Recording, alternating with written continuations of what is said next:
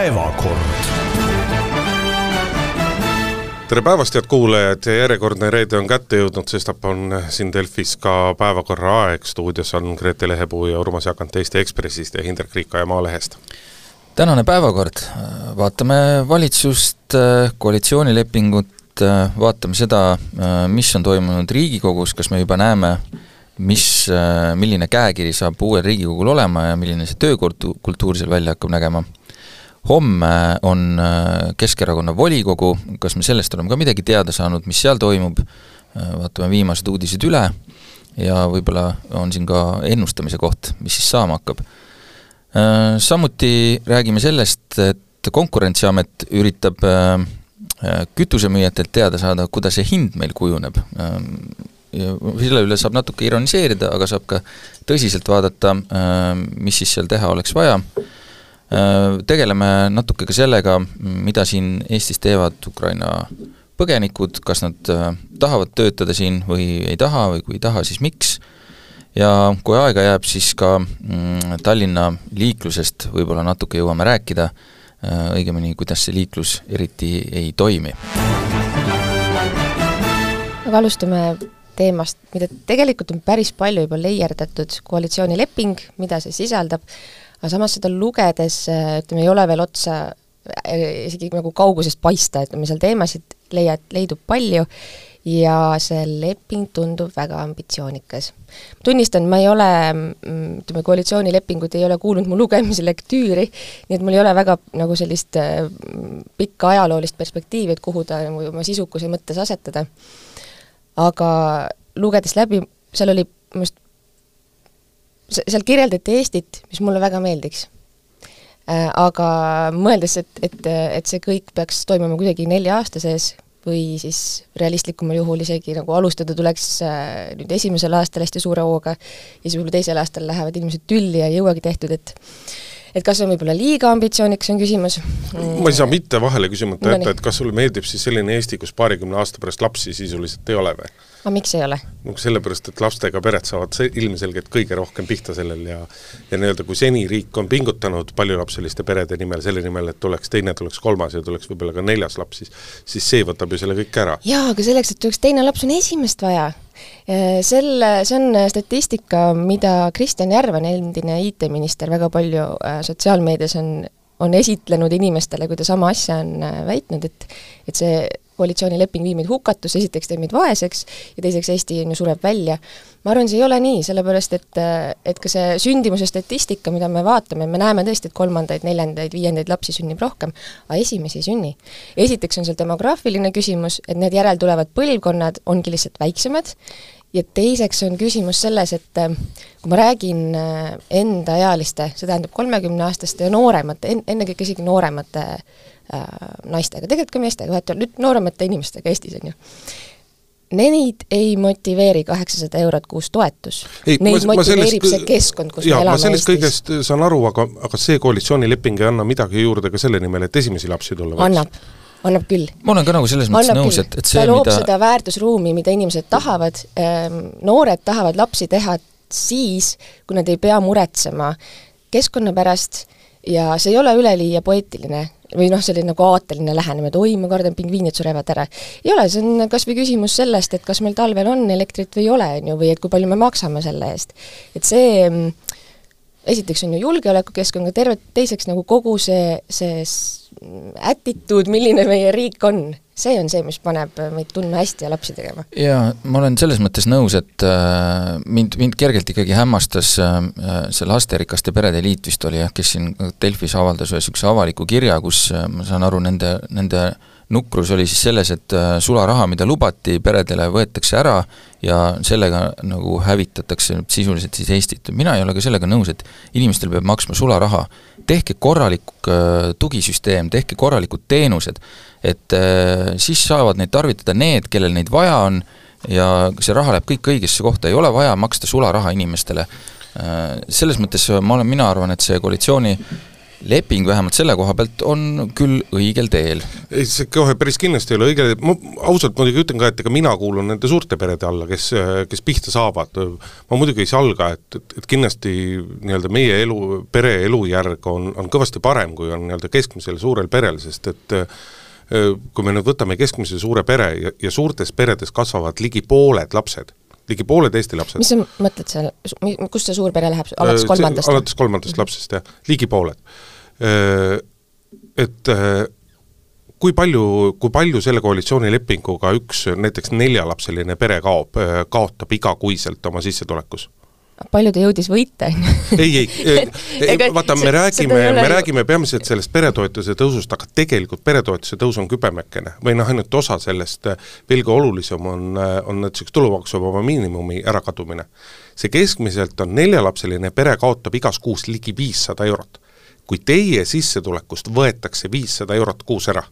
jah, aga kui, aga kui mul ei, aga kui mul ei kulu, siis kui mul ei ole vaja enam selle viiesaja euro eest näiteks ma ei tea, lasteaiakoha eest maksta, kui mul ei ole vaja mingisugust muud teenust, need teenused tulevad äh, sellest, et omavalitsus ja riik neid korraldavad, ilma et ma peaksin selle eest maksma, siis äkki mul ei lähe vaja seda viitset aga on sul praegu mõttes? mingisugust signaali kuskilt sellest, et, et sul võiksid need kulud ära kaduda? no mulle tundus mina... küll, näiteks kui siin tasuta ühistransport, ütleme see liikuvus,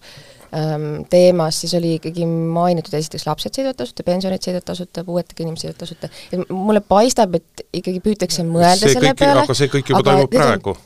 noh, just, et see kaob siis ära, selle, see ei ole lisakoormus. aga samas, eks ole, suurele perele, kellel paratamatult peab olema, paratamatult peab olema suur auto, temale tuleb jälle automaks selle võrra suurem. aga mida, mis on nagu siin oluline silmas pidada selles suurte perede küsimuses, on see, et et üks asi, hästi palju nagu vaieldakse selle üle, et, et kui sul on kaks last või kolm last, et kas sinu kulud on nagu suuremad või ei ole suuremad. ja see tihtipeale tegelikult seal on nagu hästi selgelt tunnetatav see küsimus, et et inimesed ei kujuta reaalselt ette, milline elumuutus sind tabab, kui sul on kahe lapse asemel kolm last, see tundub justkui nagu mitte midagi. et noh, ma olen isegi tihtipeale nalja vida-, visanud, et noh, mis vahet sul on, on sul neid kolm, neli või viis, et mingist hetkest ei ole enam vahet. aga tegelikult ikkagi igakuiselt ja sinu kulude mõttes on sellel nii-öelda nagu päris, päris suur vahe sees. aga ega see küsimus ei olegi mitte selles koalitsioonilepingu kontekstis, et kas see peretoetus nüüd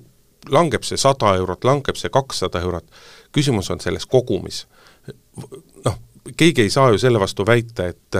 et selgelt nii-öelda suured pered on, valdav osa suurematest peredest, nad on noh, majanduslikult on nende elu selles mõttes keerulisem, et keskmine suure pere suure pere puhul, eks ole, vanemad teenivad kumbki kuni keskmine palk ja kui sa seda nüüd pead jaotama seal, eks ole, viie, kuue või seitsme inimese peale, siis me kõik saame nagu arvutada, mida see, kui palju jääb ühe pereliikme kohta kulu. aga,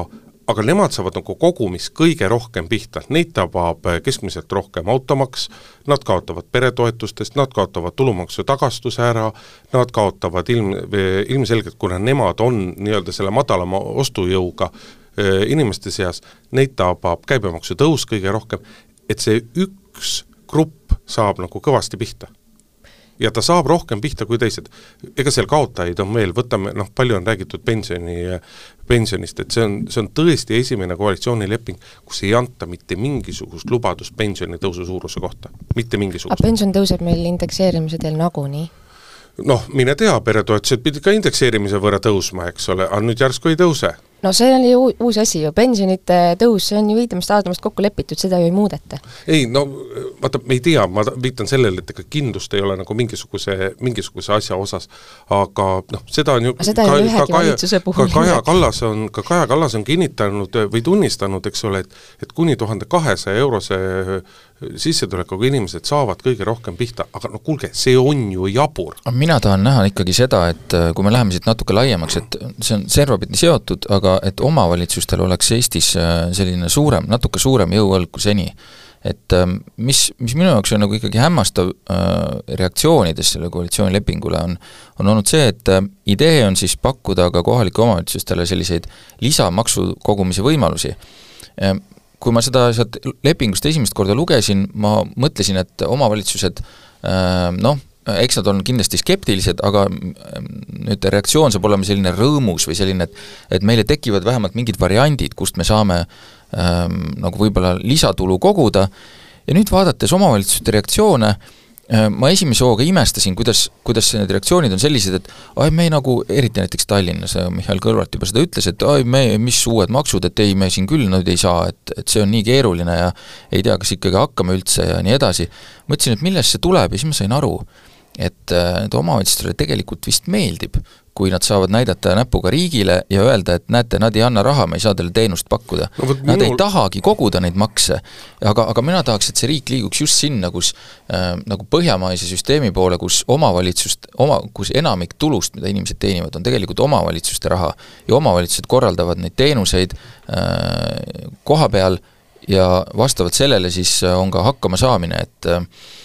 milline omavalitsus paremini nende rahaasjadega hakkama, milline vähem? mina küll saan aru ja kui sa räägid nagu, jätame nagu Tallinna, Tartu ja, ja Tallinna Rõngas valla,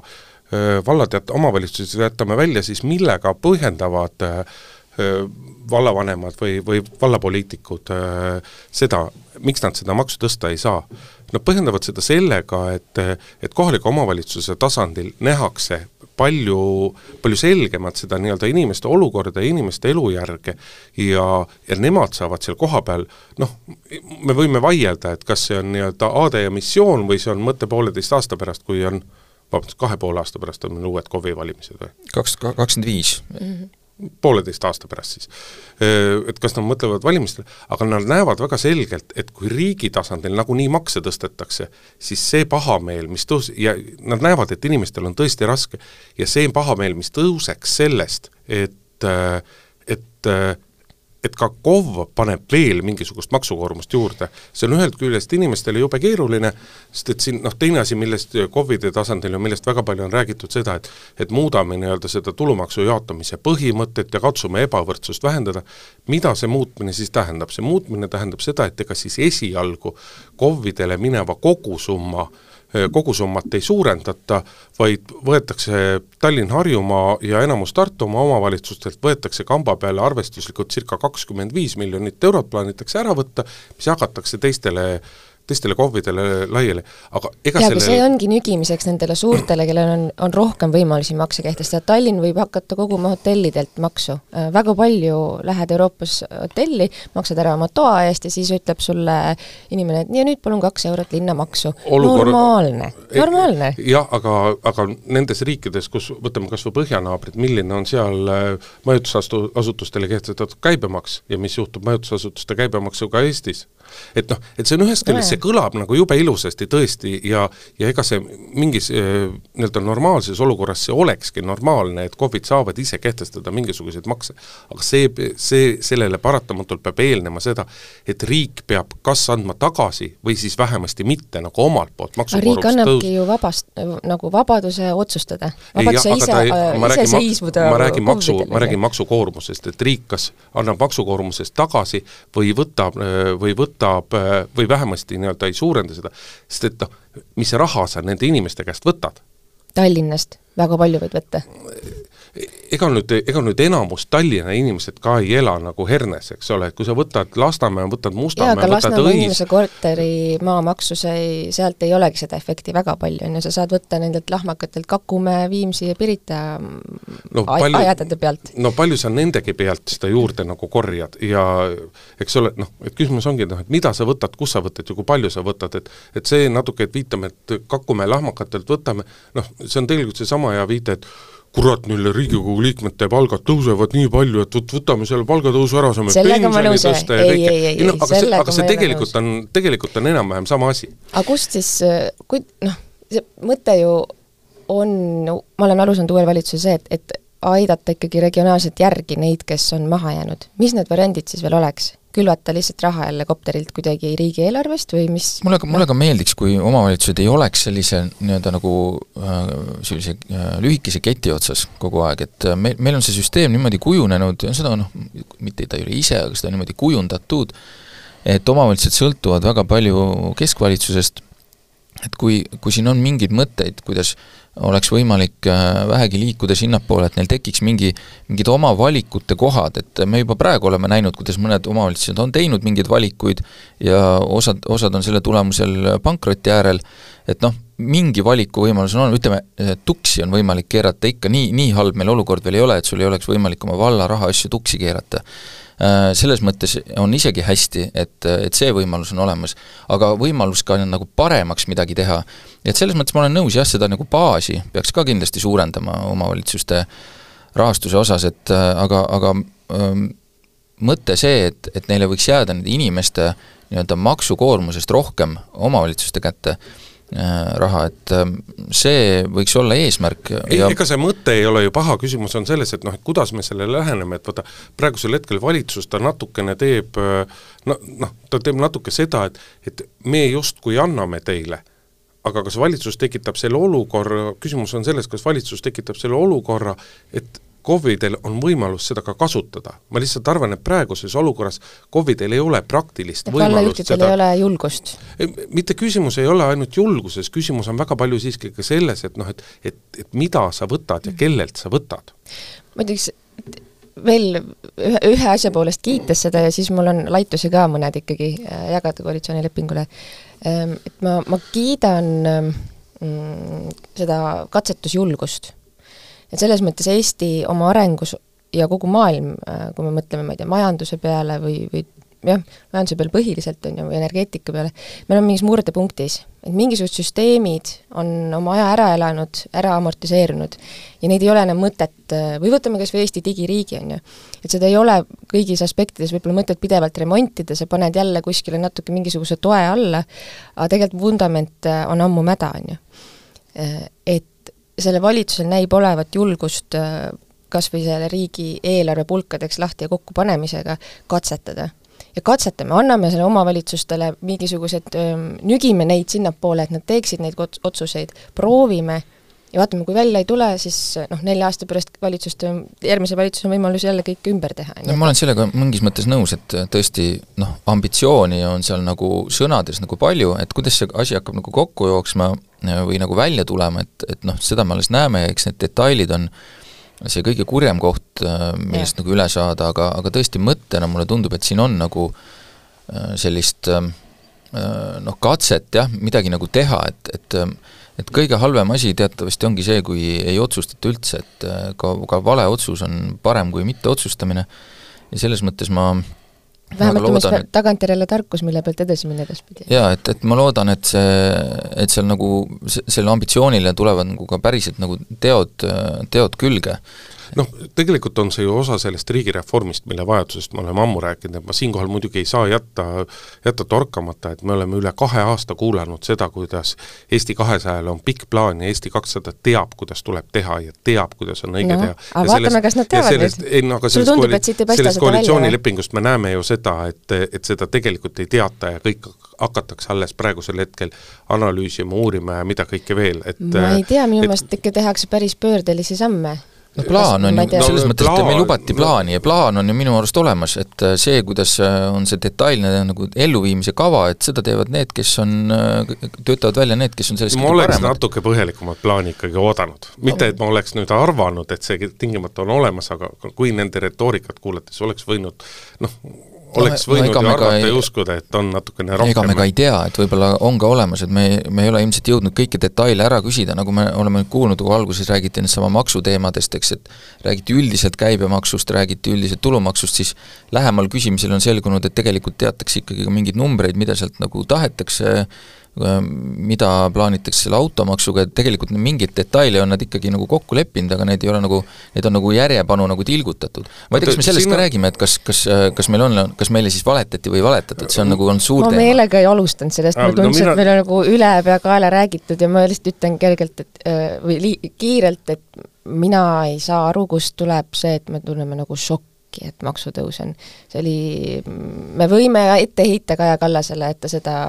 selgelt välja öelnud valimisdebattides või nagu ERR on nüüd tagantjärgi ka kokku vaadanud, et kuidas nende debattides siis nagu kõik tegelikult puiklesid sellest maksuteemast kõrvale, seda me võime ette heita, aga noh, kogu see õhkkond või õhustik või ütleme, me, me ju näeme Eestis, mis see olukord on, pääsu ei ole noh, jah, sellesse kas pääsu on või ei ole, eks selle üle me võime lõputult vaielda ja, ja selle üle, et et kui ka makse tõsta, siis kellel ja kuidas, me võime ka selle ja. üle lõputult vaielda, aga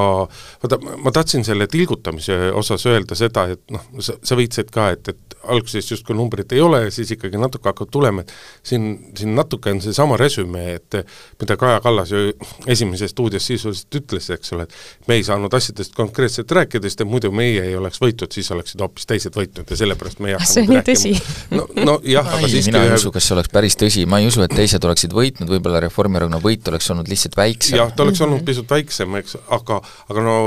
aga, aga sellega on ka, vaata praegu on ka nagu samamoodi, et et koalitsioonilepe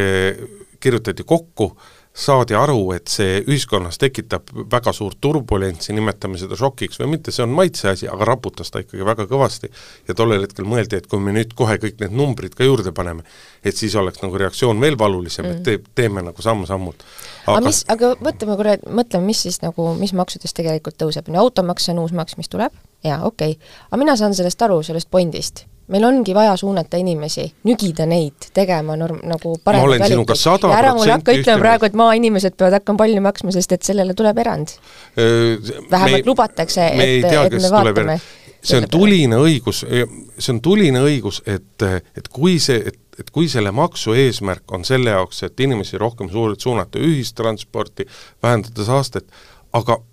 seda kõike tehakse praegusel hetkel ainult selle jaoks, et riigieelarvet täita. see on nagu kütuse, see on nagu kütu-, see on nagu, see on nagu kütuseaktsiis.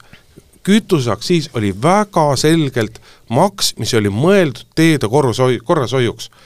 ja siis hakkas vaikselt, hakkas see raha minema muude kohta, kuni lõpuks siis tehti seadusemuudatus ära ka ja see eesmärk võeti ära ja ma lihtsalt tuletan meelde ka, kes selle tegi, see oli Jürgen Ligi oli siis rahandusminister, kes ja. ütles, et ei tohi olla kulud niimoodi, tulud ei tohi olla niimoodi seotud kuludega, et see pull tuleb ära lõpetada, lõpetatigi suure lubadusega, et raha täp-, läheb samamoodi edasi sinna teedehoidu, noh, nägime, et ei lähe kuhugi. no just nimelt ja, ja, ja praegusel hetkel aga see ei ole ju aktsiisi ju... süü kui selline, see on selle otsuse süü, kuidas seda aktsiisi kasutatakse. no seda küll, aga see on poliitikute süü ma, ma, ma räägingi, et see on poliitikute süü, aga praegusel hetkel ikkagi kõik maksumuudatused, mis valitsus teeb, on selle jaoks, et eelarvesse raha saada, mitte see ei ole kellegi eesmärk. suund ka ei, ikkagi. ei kindlasti mitte mm. praegusel hetkel ikka. ja seda koalitsioonipoliitikud ise ei eita. ma vaidlen selles mõttes vastu, et äh, jaa, äh, kiire raha kogumiseks on kindlasti mõeldud see käibemaksu tõus, see on, see on nii lihtne, nii loogiline, selle jaoks on süsteemid olemas äh, ja see on kindlasti eelarve täitmiseks, nagu ka ilmselt see tulumaksu tõus, kui ta tuleb, ma ei ole veel selles veendunud, sellepärast et aastani kakskümmend viis on meil veel natuke aega minna. aga tõusu kui sellist mm. ju valdavalt ei ole, küür kaotatakse ära no,, enamik inimeste no, ja, jaoks on see no, see on oma see on eelarve, oodake, oodake, ma lõpetan ära oma mõtte. mõte äh, oli vähe pikem, selle mõtte, mõtte kese on see, et need on kindlasti mõeldud äh, eelarve täitmiseks. nüüd seesama automaks, ma olen üsna kindel, et see saab olema suhteliselt pisike. selle eesmärk äh, tõenäoliselt ei ole eelarve täitmine, vaid selle eesmärk on äh, nii-öelda teha see aken lahti. sada kakskümmend miljonit aastas, mis on tulevane no, rahandusminister välja öelnud. saab nii palju, ei usu mina. ei no aga see on, see on siht, see on siht. siht võib olla, ma, ma millegipärast arvan, et see, see osutub palju keerulisemaks sellest meil, sellepärast et meie see nii-öelda ülevaade sellest autopargist, mis meil on, on suhteliselt nigel, me, meil on selline suhteliselt lõdva süsteem nende masinatega üldse ja selles mõttes ma arvan, et see saab olema palju keerukam, ma ei ole isegi kindel, kas seda õnnestub jõustada sellest kuupäevast, mis seal, või aastast, mida seal nagu plaanitakse, aga aga selle, selle suurem eesmärk võib-olla lihtsalt see, et nagu harjutada see nagu ära, et, et et me päriselt saame seda teha. et võib-olla ta kunagi tõuseb sellise, sellisele tasemele, see maks, kus ta, kus ta ka nagu päriselt toob nagu suurt, suurt summat, noh, võib-olla õnnestub neil seda kakskümmend koguda, ma pigem nagu arvan, et et ei õnnestu, aga jah, eelarve täitmiseks on kindlasti seal asju ja need on need kõige lihtsamad ja tavalisemad, ehk siis käibemaksu tõus ja võib-olla siin mingid aktsiisikergitused. et sealt see tuleb, aga ma, ma, ma tajun, mis veel neid maksumuudatusi puudutab, ma tajun, et seal on väga suur lootus püsib ikkagi sellel, et maksulaekumised paranevad niigi ja äh, majanduse olukord niigi paraneb ja mõningaid asju võib-olla ei pea sealt üldse tegema. see, see lootus on, on, on väga-väga suur äh, koalitsioonist, et kui me tegelikult sellesse koalitsioonilepingusse vaatame sisse, siis äh,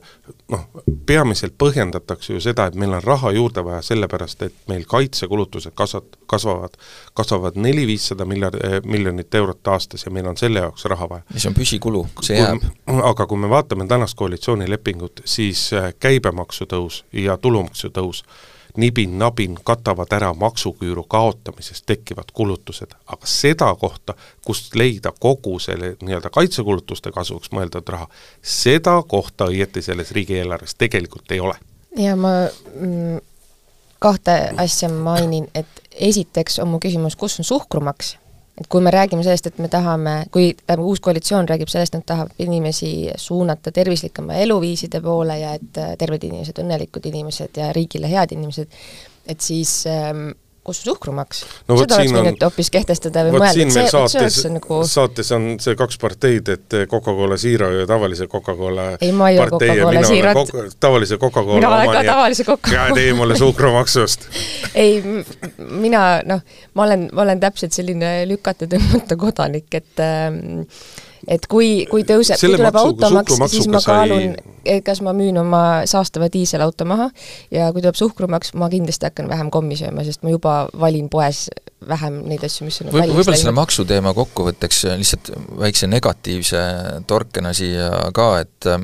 ma, ma arvan, et Aivar Sõerd, tuntud äh, rahandusspetsialist Reformierakonnast, kelle, ma usun, et tema Facebooki konto on selles mõttes avalik, et see postitus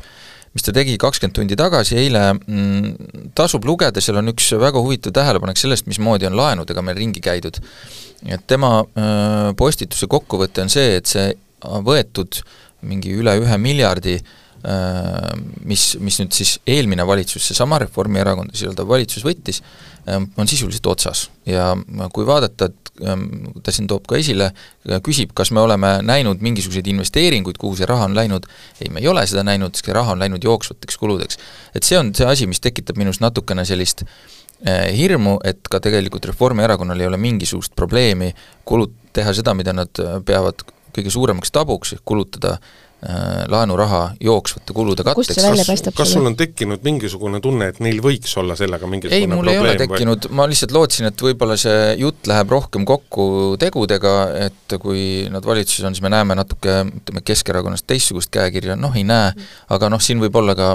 põhjuseks see, et, et selle nii-öelda äh, augu või selle nii-öelda tammi kinnitoppimine võtab natukene aega, eks et äh, aga no mul väga suurt lootust sellesse ei ole, et küllap tuleb järgmine laenuring ja küllap läheb ka sealt päris palju jooksvateks kuludeks, mida, mida kõik räägivad, et teha ei tohi, noh, on nii, nagu on. vaata, me libiseme siin, libisesime üle tegelikult sellest teemast või tulid paremad, paremad mõtted tulid pähe, et küsimusele, et kas meile siis valetati või meile ei valetatud. ja, ja, ja tegelikult see, mis sa praegu rääkisid, haakub väga selgelt selle küsimusega, et seda, et Kaia, Kaja Kallas ütles eelmise aasta sügisel, et maksud ei tõuse, lugege minu huulit, maksud ei tõuse, seda ei ole mõtet Kaja Kallasele täna ette heita, sest et katsume nüüd kujutada ette olukorda, et kui oleks tulnud võimule Jüri Ratase valitsus või Martin Helme valitsus ja nemad oleksid otsustanud makse tõsta, et kas siis oleks pidanud ka Kaja Kallasele ette heitma, et aga peaminister Kaja Kallas, sina ju ütlesid, et maksud ei tõuse. noh, aga, aga meil on hästi palju muid asju, mida me saame Kaja Kallasele ette heita nendest päevadest, noh alates sellest, et põhiseadus ei lubanud meil maksude tõstmisest rääkida, eelarve või selle valimiskampaania ajal. see no, ei olnud ka tegelikult tema mõte, mida ta ütles. kuni, ei, noh, aga me leiame neid erinevaid näiteid palju, aga küsimus tegelikult on selles, et räägitakse ühte ja tehakse teist, et see on, see on seesama, et et aga maksude koha pealt, mis siis räägiti? et laenu kulutamine, laenu kasutamine on saatanast, tegelikult on ju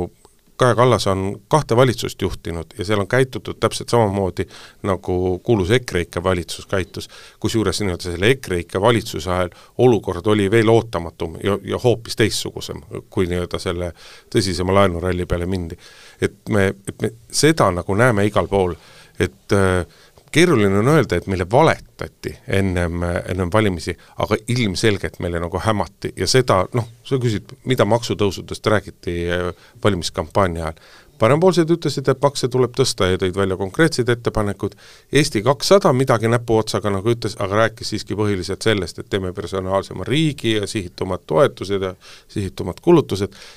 ja sotsid ütlesid, et me peame tõenäoliselt mingisugust äh, maksu tõstma, Keskerakond, äh, eelkõige Jüri Ratas rääkis seda, et meil on maksudebatti vaja, aga sellega kogu maksude osa no ja siis Keskerakond tahab pidada seda debatti, sotsid muidugi, võib-olla tagantjärgi mõeldes sotsidel võib-olla äh, oli selles mõttes õigus, et äkki oleks olnud tõesti targem äh, nimetada see asi juba alguses ringi nagu riigikaitsemaksuks või millekski selliseks, mis võib-olla oleks Jep. inimestest äh, nii-öelda sidunud need asjad nagu paremini kokku, et milleks seda raha kulutatakse ja milleks seda nagu kokku korjatakse, et et ma ei tea, miks seda nagu peljati tähendab, ma ütlen, miks seda peljati no,. mina julgen suure, mina julgen suure tõenäosusega ennustada seda, et riigikaitsemaksu me veel lihtsalt näeme ja seda ei kirjutatudki sellepärast sisse, et praegused eh, nii-öelda maksutõusud, tulumaksu ja käibemaksu tõus, need ei kata riigikaitsekulutusi. ja, ja selle jaoks tuleb kuskilt raha võtta ja me veel näeme seda mm. riigikaitsemaksu. selge see, et oleks muidugi selles olukorras tegelikult riigikaitsemaks oleks olnud äh, ma arvan, avalikkus oleks selle palju lihtsamalt alla neelanud, kui teate käibemaksu või tulumaksu tõusust. aga meil on mõned asjad veel, me oleme pikalt rääkinud, tea kas viitsitakse meid kuulata, aga sotside alampalgast peaks ka kindlasti rääkima, sotsid on välja käinud, kuidas alampalk peaks nelja aastaga tõusma tuhande kahesaja euro juurde ja, ja, ja esimees Läänemets on isegi öelnud, et justkui nagu olla juba tööandjatega vaata et isegi kokkulepe olemas, mina julgen küll teha väga selge ennustuse, et tegemist on roosa unistusega, nelja aasta pärast alampalk kindlasti ei ole tuhat kakssada eurot, vaid on tunduvalt, tunduvalt väiksem, sellepärast et sotsiaalpartneritega selles osas kokkuleppele ei jõuta ja kui see peaks ka jõuga läbi suruma, siis see väga selgelt tähendab ikkagi hulga väikeettevõtete kadumist Eestis ja hulga töökohtade kadumist, sest et seda ei suudeta alla neelata jah, see võib nii olla, see on natuke muidugi, näeb naljakas välja, et äh, kuidagi äh, noh, sotsid on juba nii pa-, palju olnud nagu valitsuses, äh, eelmises valitsuses me nägime seda päris korduvalt, kuidas justkui midagi lepiti kokku ja siis äh, ilmus sisemine opositsioon sotsidena, eriti Lauri Läänemets, kes hakkas rääkima, et tegelikult on vaja nagu rohkem. et see on niisugune vana hea Karilaiu äh, taktika Reformierakonna, Keskerakonna valitsusest, et nüüd ma näen nagu sama asja, et mul on niisugune tunne, et Lauri Läänemets kardab, et Reformierakond tõmbab talle koti pähe et, et ta on justkui jäänud koalitsiooni läbirääkimistel nõus mil-, nõusse millegagi, mis nüüd selgub, justkui selgub, et äh, ei pruugigi nii minna, kuna seal on mingid osapooled äh, noh, kellest see rohkem sõltub kui koalitsioonilepingust, ehk siis tööandjad, töövõtjad. ja nüüd on siis millegipärast visatud välja niisuguseid ultimaatumeid, et kui meie ei saa siis seda äh, alampalga tõusu, siis äh, ka see maksuküüru asi noh, sotside toetust siis sinna nagu ei tule, et et eh, noh, ilmselge on muidugi see, et see, need asjad ongi niimoodi, et ega koalitsioonileping on nagu tervikuna täitmiseks kõigile, aga nüüd kuidagi noh, milleks need sõnumid avalikkusesse, noh mulle tundub, et see on natukene pigem töövõtjate survestamine. et nüüd hakata läbi rääkima oodata, et tööandjad ja töövõtjad hakkavad läbi rääkima sellises rahumeelses positsioonis, kus valitsus äh, käed rinnal risti ootab, et teatud tulemust, siis noh, need ei ole tegelikult ju läbirääkimised. see on natuke see suhtumine, et kõigepealt virutan sulle kõvasti jalaga munadesse ja siis oleme sõbrad edasi, et noh, nii ei ole mõtet äh, sellele küsimusele läheneda. aga vaata, sotsidega mina olen küll viimastel päevadel väga selgelt tajunud ja ma usun, et teiegi, kui te sotsidega suhtlete, et äh, sotsid järjest rohkem rõhutavad ikkagi seda, et kui küsida, et noh, miks te lasite, miks te tegite niimoodi, miks, miks te lasite sellise asja läbi, koalitsioonileping on ju täis asju, mida noh, kõigi eelduste kohaselt sotsid ei tohiks toetada. aga, aga nad ikkagi toetavad seda ja, ja järjest kuuleb seda juttu, kuidas ikkagi Reformierakonnal on kolmkümmend seitse kohta ja kolmkümmend seitse kohta on ikkagi nii tugev mandaat ja ja nii tugev positsioon ja selle vastu ikkagi ei saa, minu arust käib sotside erakonnas enda sees juba väga selge ettevalmistamine selle jaoks, et et Reformierakond rullib üle, me tahame valitsuses olla ja sellepärast peame me selle kõigega leppima no väga võimalik, et nad peavadki sellega leppima, no ma ei usugi, et neil on mingit soovi sellest asjast nagu välja hüpata, kuigi kui kes vaatas ETV-s eile esimest stuudiot, siis Margus Tsahkna Eesti kahesajast andis selgelt mõista, et äh, nemad on valmis ka jätkama, eks ole, viiekümne ühe häälega, ehk siis ilma sotsideta koos no vot, poleks sa seda öelnud, ma oleks sellele tähelepanu juhtinud. jaa, et noh, eks, eks see on niisugune väike sõbralik meeldetuletus sotsidele, aga noh, lihtsalt natuke kummaline, et see valitsus pole saanud veel äh, oma kabinettidessegi minna, kui, kui juba käib selline tingel-tangel, et no küllap, küllap sotsid seda alampalga tõusu mingil määral ikkagi nagu saavad, kas, kas see on sellises mahus ja sellises tempos, noh, seda me näeme, aga ma arvan, ka see, see püsib paljuski äh, selle peale, et meil ikkagi majandusolukord läheb paremaks. see paistab kõik nagu lihtsalt sellise Läänemetsa stiilina, et ta äh, enne valimisi ka siin äh, ju kuidagi ajas kogu rinna kummi ja, ja sõitis mingite teemadega sisse. et tekkis küsimus, et oota, et kas sa ei ole seal otsustajate laua taga või et ma, ma ei tea, millal see teda tagumikust hammustab, võib-olla ei hammustagi aga väga pikaks läks meil see koalitsioonilepingust rääkimine, aga räägime Riigikogust ka, esmaspäeval. Riigikogu kogunes ja kohe esimesel päeval uued tulijad näitasid, näitasid, et nad on ikkagi uued tulijad ja seetõttu koperdavad, vanad olijad, eelkõige opositsioon, on läbi kogu nädala näidanud koalitsioonile ikkagi või loodavale koalitsioonile väga selgelt nagu hambaid, aga kui kuulata seda, noh, see, et, et opositsioon torpedeerib ja otsib üles Riigikogu kodukorra punkte ja mida kõike veel, see on loomulik, see on, see on paratamatu osa, aga kui me vaatame seda, kuidas kahe päeva jooksul nagu äh, Kaja Kallast kui peaministrikandidaati kuulati selleks, et otsustada, kas talle volitused anda või mitte, siis äh, vahel mul on muidugi tunne, et ma olen liiga tundlik, aga minu arust jõuti selles mõttes jälle nagu uuele tasemele, et seda, et opositsioon kes rohkem, kes vähem ebaviisakas on, aga, aga kogu aeg peaministrit noh, rahvakeeli öeldes kotib, see on nagu loomulik. aga see, kui, kuidas Kaja Kallasel närv vastu ei pidanud ja kuidas ta selle kõigega kaasa läks ja ka ise ikkagi nii mõneski kohas väga ebaviisakaks muutus, see oli nagu minu jaoks natukene nagu üllatus, et noh, varemas, varasemalt, kui Kaja Kallas on varem pidanud olema pikalt peaministrina Riigikogu ees, siis tal ikka närv on üles öelnud, aga et tal närv nagu nii kõvasti üles ütleb, sellest, sellest on kahju, aga see annab jälle, see annab jälle uue kammertooni ja, ja toob tegelikult latti ja, jälle pisut madalamale. minu arust on noh, natukene imelik selles mõttes, et kui sa oled sellise mandaadiga ametisse saanud ja sul on algamas just valitsus, äh, valimised on kaugel-kaugel mis asja sa äh, haavud kogu no, aeg? jah, siis, siis nagu võiks ju täitsa rahulikult ära kannatada selle, et muidugi ei, ei olnud seal see, mida sa ütlesid, et et mida opositsioon peab tegema, see kõik on õige,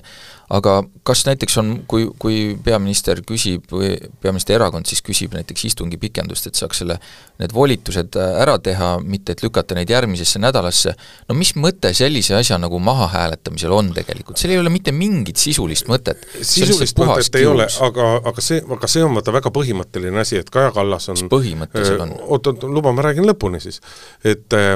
Kaja Kallas on, on väga selgelt andnud mõista nii avalikult kui, kui ka kuluaarides seda, et, et loodav koalitsioon ei kavatse hakata opositsiooniga pikalt mängima ja nii, kui opositsioon hakkab torpedeerima, nii lähevad nemad kohe usa-, valitsuse usaldushääletuse peale. ja, ja, ja see ongi, president oma, oma avakõnes esmaspäeval ka juhtis nii-öelda eraldi sellele tähelepanu, et, et see ei saa olla normaalne, kui pidevalt kasutatakse usaldushääletuse usaldushääletuse võimalust. et ega see ongi, see ongi nii-öelda nagu hammaste näitamine, et ühest küljest on see näitamine seda, et meie võime, aga teisest küljest on see, on, on see, on see väga selge sõnum ka seda, eks ole, et et kuidas teie meile, nii meie teile. Ja kuhu me niimoodi välja jõuame, et kui me nagu elame põhimõtteliselt ise oled ka loll?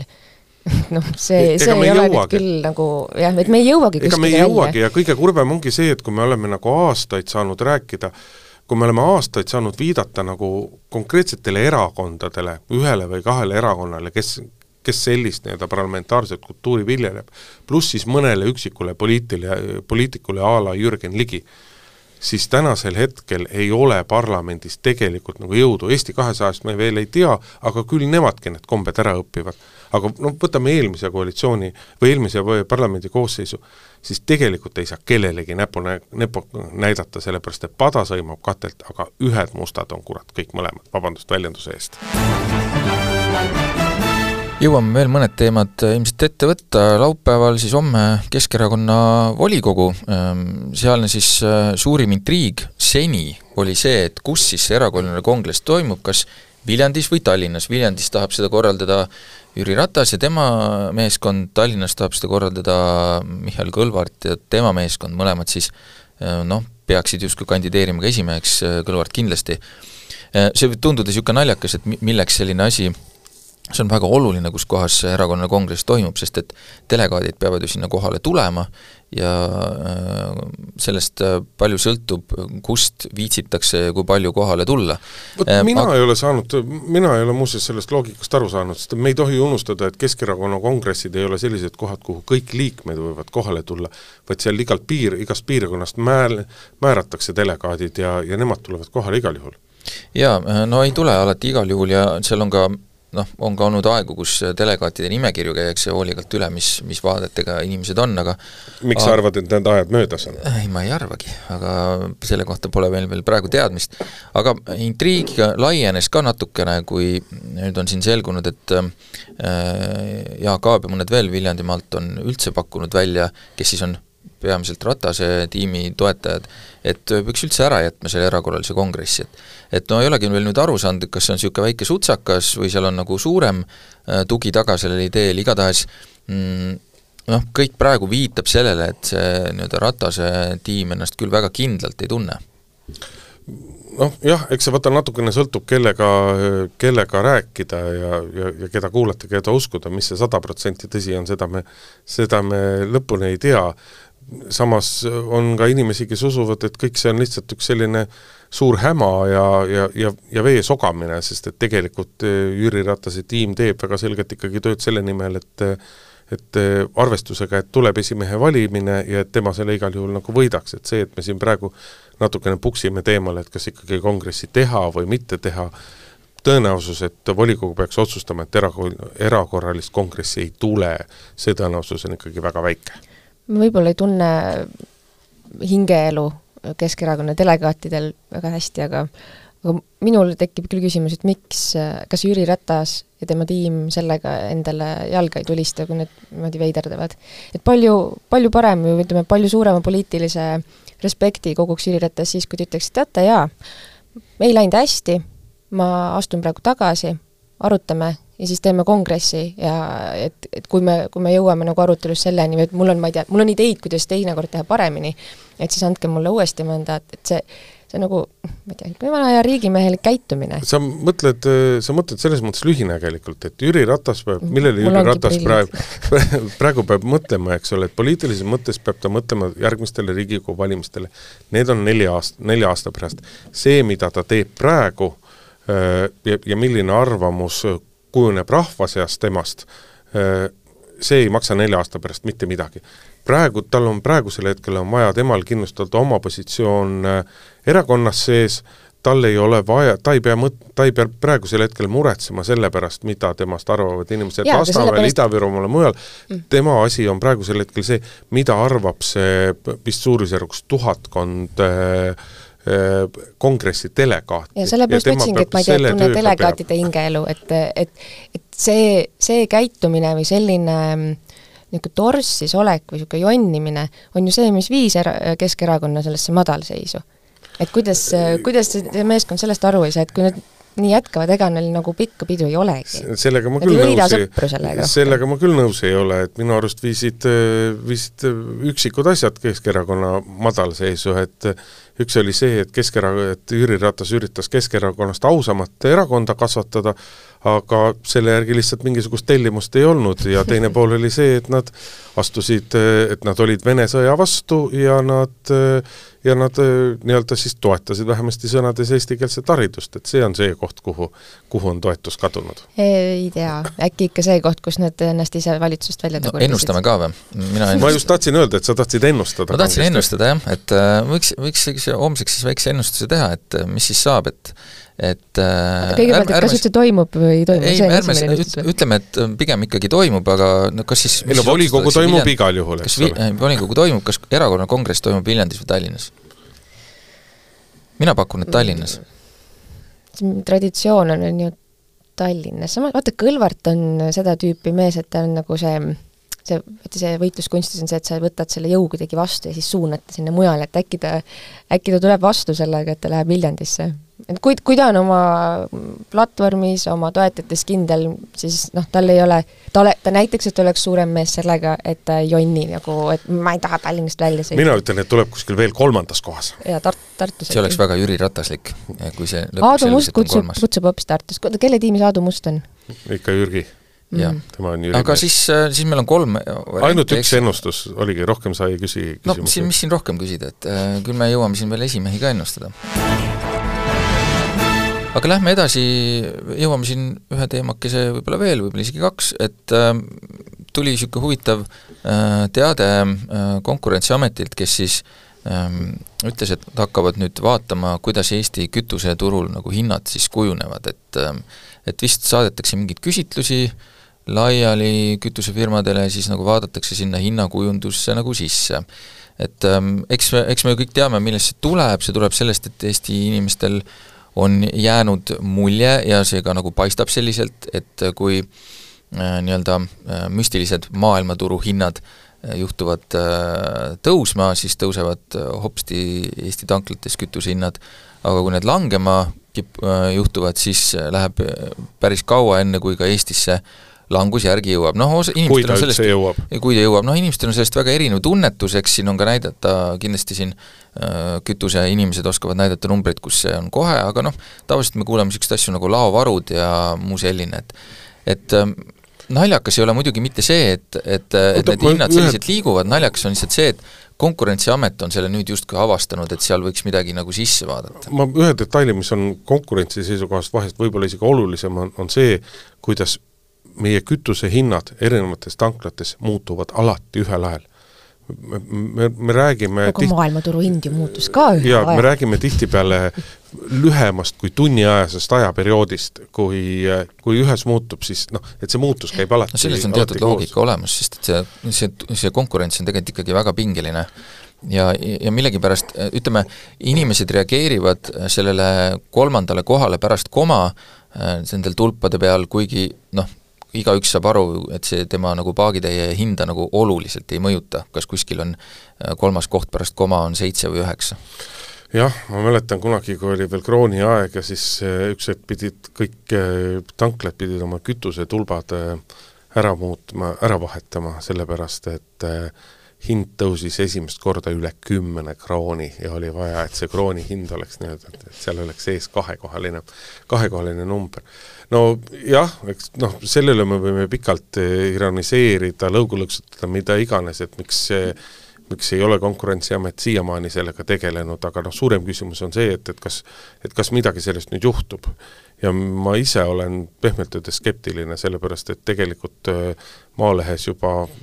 minu arust oli see eelmise aasta lõpus või äärmisel juhul selle aasta väga, väga alguses, juba siis Konkurentsiamet ütles, et me kohe hakkame selle küsimusega tegelema, aga toona ütles ka, et meile läheb sellega kindlasti vähemasti ja, ma, ma aasta,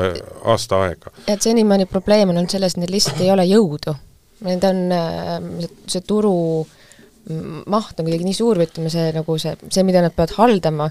käib neil üle jõu ja lahendus siis on nüüd see, et turuosalised ise peavad hakkama ma ei tea, eneseregulatsiooni kuidagi kehtestama ja, ja rahastama, et neid järele valvatakse. minu, minu jaoks kuidas kaasa minnakse, on, on küsimus. jaa, minu jaoks on Eestis kaks sellist äh,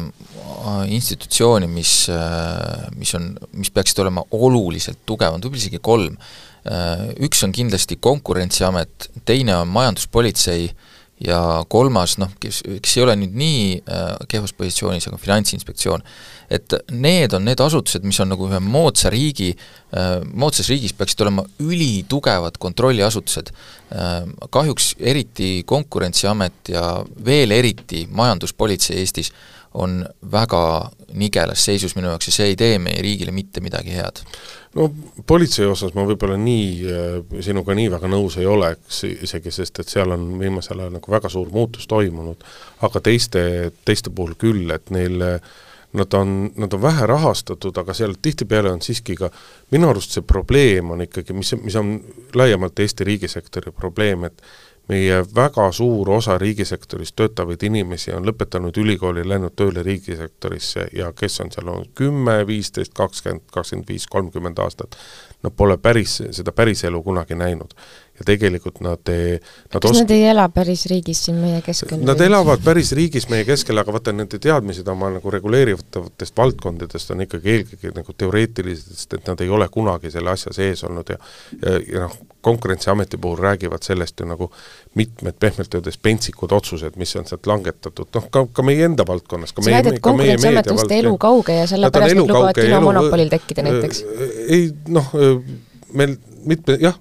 mitmesuguseid asju leiab noh, see kinomonopol, see oli ikkagi puhas nii-öelda juriidiline nõks, kuidas see, kuidas see ära tehti. seadused lihtsalt võimaldavad selliseid jah, aga noh, kui me mõtleme siin noh, enda nahale lähedalt, kui me mõtleme kas või nii-öelda ajalehtede kogukande, kojukande temaatikat, siis noh,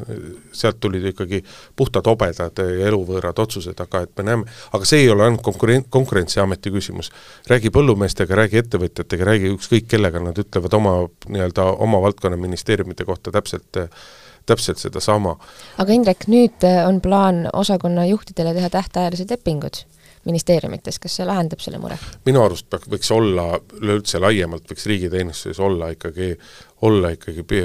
noh, eeskirjad, kuidas iganes me seda nimetame, et sa saad olla riigiteenistuses mingisuguse perioodi ja siis sa pead vahepeal erasektoris ära käima ja nägema ka erasektori elu minu arust noh, see, see on, see on hädavajalik. sellised töövahetused umbes, et, et osakond läheb Lähed kuuks ajaks tööle mujale, on ju, lähed töö, töövarjuks või vahetad nii nagu poli, vaata nii nagu poli-, piiri, Politsei- ja Piirivalveametis, et vahepeal saadetakse, just, inimesi roteerutakse erasektorisse. üks teema veel, ähm, jõuame räägi-, rääkida sellest, äh, kuidas maasikakasvatajad, kes siin mõni aasta tagasi olid väga suur äh, teema, sellest, äh, kuidas neil on puudu äh, Äh, töökätest on, äh, mulle tundub, äh, siin mõnede signaalide järgi jõudnud samases, sama seisukorda tagasi,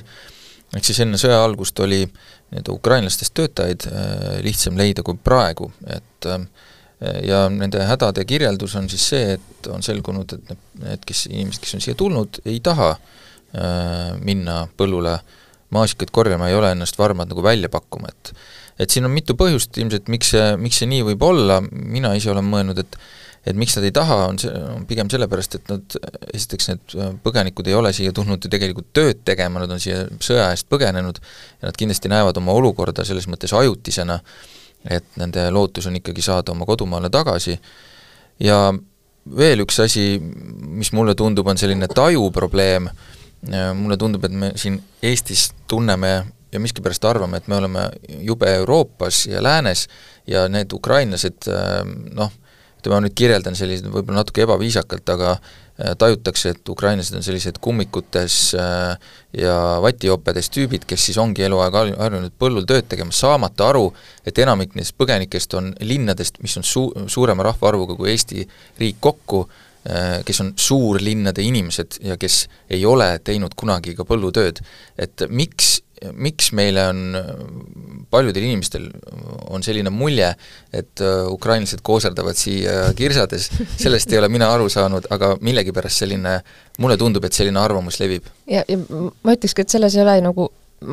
Nendele ei saa ju mitte midagi ette heita. E, Eesti riik võidab sellest ka rohkem, kui inimesed teevad siin oma erialatööd. et medõed, kes on siin, töötavad medõena, IT-sektoris inimesed IT-sektori, et, et kui nad suudavad teha oma erialatööd, nad loovad rohkem lisandväärtust, seda me peaksime soodustama. aga et artikkel või ütleme, teemapüstitus, millele me viitame, kust me selle võtsime, on Ärileht, kirjutab ähm, Paavo Otsusest, kes on siis ka, on farmer, Aran Farmingu omanik, ja mul on üks kanakitkude tema küll, ta väidab, et, et ta ei leia endale hooajaks töötajaid, sest et ukrainlased kõik lösutavad toetuste peal. et kuna põgenike elu on niivõrd hea ja siin nagu rahapakkidel saab aega surnuks lüüa, et siis sellepärast temal jäävad marjad põllule. no see on vale põgenik saab toetusi täpselt samal määral nagu Eesti, eestlane. et see seda ukrainlastele ette heita on äh, tõesti kole, vale ja alatu demagoogia. see on, äh, see oli tõesti nagu inetu jutt ja, ja, ja mitte ainult inetu, vaid rumal jutt, et see, et meil on nii-öelda meil on otsitud inimesi igal aastal hooajatööde peale, see on aastaid niimoodi olnud, et koroona aja alguses see probleem tekkis sellest, et meil järsku ei lastud inimesi enam sisse. et meil inimesed olid olemas, kes võiksid tulla, aga need ei lastud sisse. Ja siis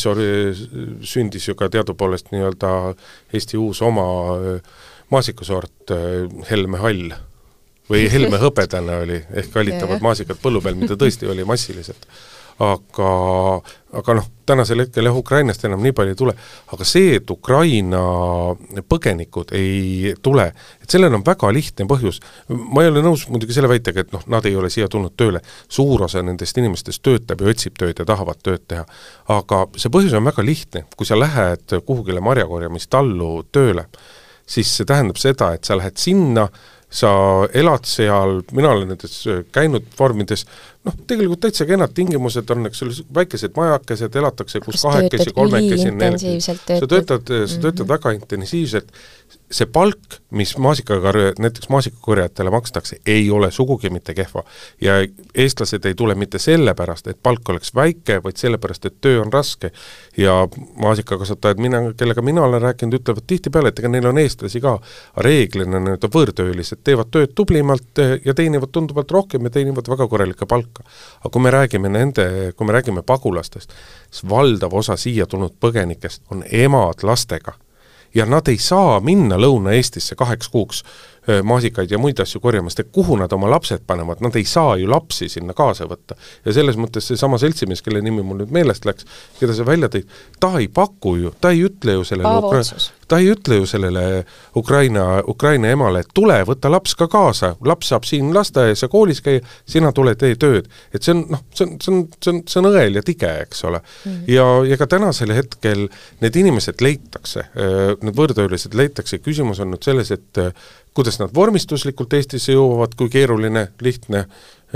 see on, seal on see küsimus, ja noh, palgaküsimus ei ole, see ei ole see, et omal ajal üheksakümnendatel käisid eestlased tõesti Soomes tegemas nii-öelda oluliselt madalama palga eest, aga meie jaoks tohutute summade eest, eks ole, maasikaid korjamas ja nii edasi. tänasel hetkel need ukrainlased, moldovlased ja kes kõik, nad ei tule siia mingisuguste megaväikeste palkade pärast ja neid ei tooda siia sellepärast, et, et jumala eest mitte väga palju palka maksta, see ei ole küsimus mina olen ka oma esimesed äh, kroonid teeninud maasikapõllul ja vaarikapeenarde vahel ja ma ei hakka rääkima, kus ja mismoodi, ega see päris seaduslik ei olnud, aga kui me otsime lisatööjõudu mm,, siis võiks ju vaadata laste poole küll tegelikult. selles mõttes, et, et mitte nüüd kuue, seitsme, kaheksa-aastased ajada põllule, noh, nendest on rohkem tüli kui kasu, aga neliteist pluss, äh, et õpilasmalevad iga suvi äh, Äh, iga kevad on ju, see on tohutu tung on nendesse ja väga paljud lapsed jäävad ilma ja et, et see on hullem, kui nagu tuludeklaratsioonis istutakse ja refresh itakse seda lehte või neid KredExi toetustega, on ju. et äh, ma, ma saan aru, äh, see on sellele farmerile mm, ja, ja keeruline korraldada, võib-olla seadusandlus praegu nagu ka ei toeta seda ma, väga, on ju, aga et püüame leida lahendusi sellesse, tegelikult lapsed tahavad tööd teha, lapsed peaksid proovima tööd teha ja see maasikate korjamine on nagu ideaalne, niisugune, ta on nagu hooajaline, ta käib korraks, ta on, nojah, ta on füüsiliselt nagu päris raske, aga võib-olla siis lapsed ju teevad niikuinii lühemalt, on ju, et ühesõnaga mitte lapsed ei peaks, peaks proovima tööd teha, vaid lapsed peaksid tööd tegema, aga see eeldaks jah, ikkagi väga selgelt ja vot siin uus koalitsioon võiks küll initsiatiivi võtta, et laste töötamist puudutav äh, seadusandlus, see on täiesti ajast arust, kõik need määrad, mis siin, ajalised määrad, mis sinna pandud on ja kõik muu, et noh, see on lihtsalt ogar ja lihtsalt see vana tõdemus, et see, et lapsel on kooli ajal, lapsepäev on kaksteist tundi pikk mm, -hmm. koolis käimise, õppimisega ja huviringiga või trenniga, kus ta käib, see ei ole, kott, mida ta seljas tassib. see ei ole seadusandjale mingisugune probleem, aga seda, et laps ei töötaks, noh, tegelikult seal, eks ole, viieteist-kuueteistaastane laps võiks töötada ka ma ei tea, neli päeva nädalas, kaheksa tundi päevas, see on nagu tohutu probleem, et sellised asjad on vaja ära muuta ja siis on võimalik sealt ka nagu rohkem. et praegu see on jah, lihtsalt tööandjale on väga keeruliseks tehtud. palun malevaseadust. just, aga me oleme tunnikese rääkinud, nii et tõmbame tänasele saatele joone alla Tallinna liikluskorraldusest, räägime räägime järgmine kord või räägime ülejärgmine kord või räägime aasta pärast, sest et ma ennustan, et ega siis ka midagi muutunud ei ole aga meie tõmbame tänasele saatele joone alla, ilusat nädalavahetust ja kuuleme uuel reedel! kõike head! päevakord